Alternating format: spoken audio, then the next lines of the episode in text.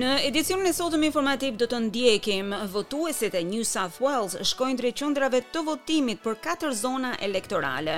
Një gjykatës kanadez ka urdhëruar pezullimin e protestave të shoferëve të kamionëve. Dhe në sport, Rusia mbështet patinatoren e saj të përfshirë në një skandal dopingu.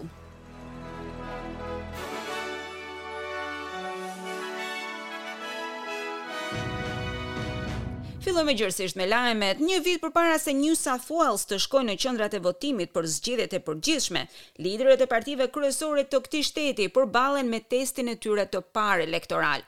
Votuesit do të hedhin votën e tyre sot në katër zgjedhje të brendshme pas një vale dorëheqje të profilit të lartë vitin e kaluar, shkaktuar kryesisht kur ish-premierja Gladys Berejiklian dha dorëheqjen nën një mori akuzash për korrupsion. Sondazhet vendosen si një provë kyçe për premierin liberal të shtetit Dominic Perrottet, si dhe udhëheqësin laburist Chris Minns. Komisioni Zgjedhor i Shtetit thotë se më shumë se tridhjetë e tetë për qind e votuesve kanë votuar, ndërkohë që zgjedhjet e pjesshme zhvillohen në Bega, Monaro, Strathfield dhe Willoughby, si dhe rezultatet do të zgjasin më shumë se zakonisht për t'u shpallur. Kryeministri kanadez Justin Trudeau ka lëshuar një paralajmërim të ashpër për protestuesit e mandatit kundër vaksinës. Gjendja e jashtëzakonshme u shpall në mëngjes pas pesë ditëve kur shoferët e kamionëve kanë bllokuar urën e ambasadorit, kufiri tokësor më i ngarkuar në Amerikën e Veriut. Një gjykatës kanadez dha një urdhër që protestuesit në kufirin e Shteteve të Bashkuara dhe Kanadasë të largohen, duke përmendur problemet kryesore të zinxhirit të furnizimit me kamionë. Zoti Trudeau tha se ka ardhur koha për t'u kthyer nëpër shtëpi. If you joined the protests because you're tired of covid, you now need to understand that you are breaking laws. The consequences of Nëse jeni bashkuar me këto protesta sepse jeni të lodhur nga covid, duhet ta kuptoni, po shkelni ligjet. Pasojat po bëhen më të rënda. Nuk do të ishte mirë të humbni patentën, t'ju hapet një dosje kriminale, e cila do të ndikojë në mundësitë e punësimit, në jetesën tuaj, madje edhe në aftësinë tuaj për të udhëtuar jashtë vendit, përfshirë këtu edhe Shtetet e Bashkuara të Amerikës, tha ai. Që nga e hëna, shoferët kryesisht të kamionëve të mëdhenj kanë bllokuar një urë që lidh qytetin kanadez të Windsorit me atë amerikan të Detroitit. Qindra shoferë të tjerë kanë bllokuar me kamionët e tyre qendrën e Otavës gjatë dy javëve të fundit, Protestuesit kanë bllokuar gjithashtu dhe dy pika të tjera kufitare në Alberta dhe Manitoba. Vendimi i gjykatës erdhi pas një seance gjyqësore që zgjati gati katër orë e gjysmë në qytetin e Windsorit, ku avokatët e prodhuesve të pjesëve të makinave argumentuan se bllokada po shkaktonte dëme të panevojshme ekonomike për qytetin dhe rajonin.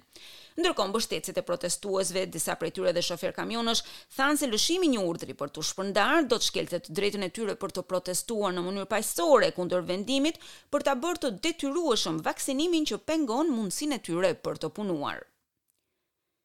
Disa vende të botës perëndimore, duke përfshirë këtu Shtetet e Bashkuara dhe Mbretërinë e Bashkuar, i kanë bërë thirrje shtetasve të tyre të largohen nga Ukraina.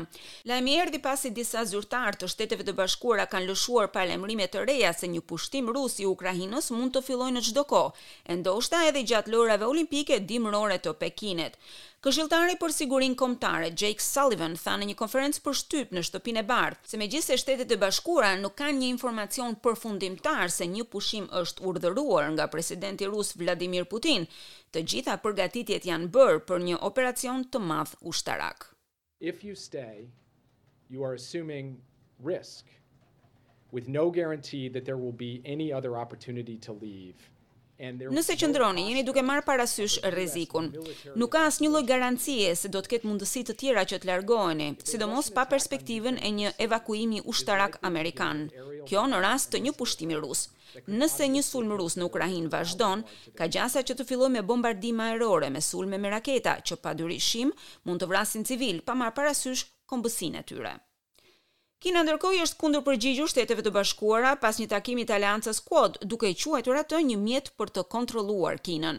Australia priti ministrat e jashtëm nga India, Japonia, Shtetet e Bashkuara të premten mbrëma, gjatë së cilës Sekretari i Shtetit të Shteteve të Bashkuara Antony Blinken tha se Kina kishte vepruar në mënyrë shumë agresive në vend dhe në rajone. Vërejtjet nxitën një përgjigje nga zëdhënësi i Ministrisë së Jashtme kineze Zhao Lijian, i cili tha se komentet sjellin paragjykime ideologjike.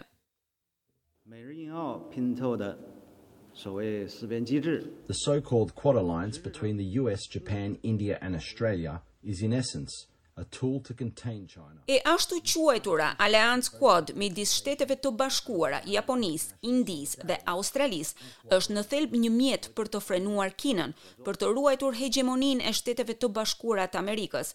Ajo po provokon artificialisht konfrontime, po minon solidaritetin dhe bashkëpunimin ndërkombëtar, tha ai.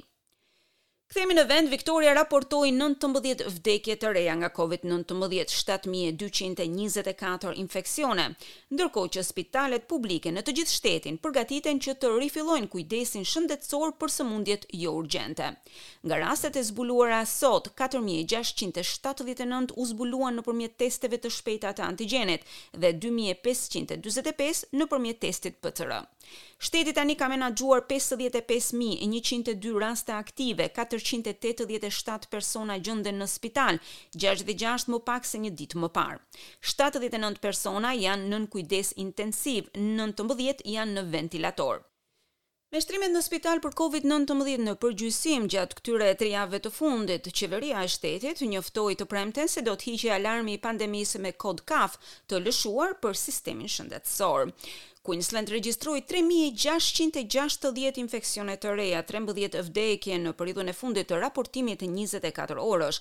Ka patur probleme në mbledhjen e të dhënave të cilat mund të kenë rezultuar në një numër më të ulët të infeksioneve të raportuara, Për momentin në këtë shtet gjenden tridhjetë e tre mijë e dyqind e tetëdhjetë e nëntë raste aktive, pesëqind e tetë persona në spital, nga të cilët dyzet e nëntë gjenden në terapi intensive. Shefi i shëndetësisë, John Gerrard, thotë se Queensland ka ecur më mirë nga sa pritej. much better than we expected. I mean, as, as you be aware, we were, we were predicting uh, at least 3 to 5,000 Shumë më mirë nga sa prisnim. Siç e keni ditur, ne parashikonim të paktën tre deri në pesë mijë pranime nëpër spitale në të gjithë Queensland, ndërkohë që kemi patur vetëm një mijë persona nëpër spitale.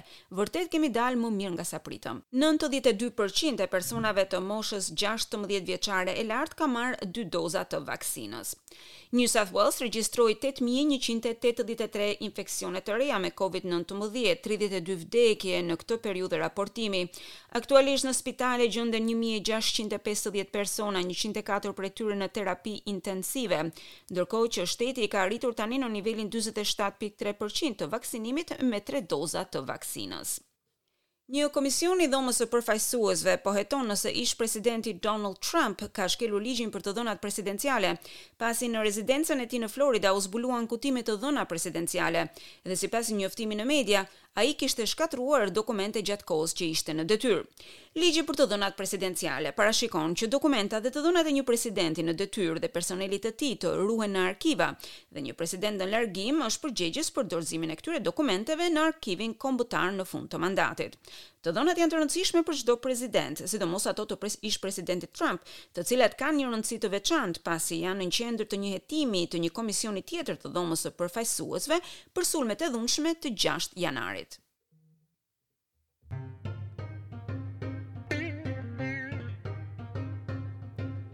Kalojmë në kursin e këmbimit të valutës australiane. Një dollar australian sot këmbehet me 76.4 lekë shqiptare, 0.71 dollar amerikan, 0.63 euro dhe 38.6 denarë të Maqedonisë së Veriut. Kalojmë në sport, Rusia po mbështet me forcë patinatoren olimpike Kamila Valieva, e cila është përfshirë në një skandal dopingu. Testi i drogës për 15 vjeçaren doli pozitiv, pasi ekipi i saj fitoi medaljen e artë në lojërat olimpike dimërore të Pekinit. Pas një sërë apelimesh, çështja tani ka kaluar në Gjykatën e Arbitrazhit Sportiv, ku do të merret një vendim përfundimtar. Kryetarja e Këshillit të Federatës së Rusisë, Valentina Matvienko, tha se polemika është orkestruar nga forca të jashtme.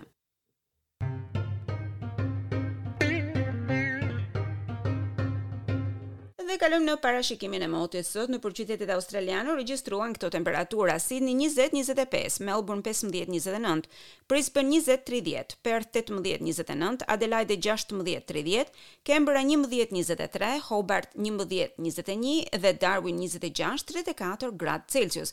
Për nesër regjistrohen këto temperatura, Sydney nëntëmbëdhjetë njëzet e gjashtë, Melbourne shtatëmbëdhjetë tridhjetë e katër, Brisbane nëntëmbëdhjetë njëzet e nëntë, Perth shtatëmbëdhjetë tridhjetë e katër, Adelaide njëzet e një tridhjetë e tre, Canberra njëmbëdhjetë njëzet e gjashtë, Hobart dymbëdhjetë tridhjetë dhe Darwin njëzet e pesë tridhjetë e dy gradë Celsius. Dëgjuat edicionin informativ.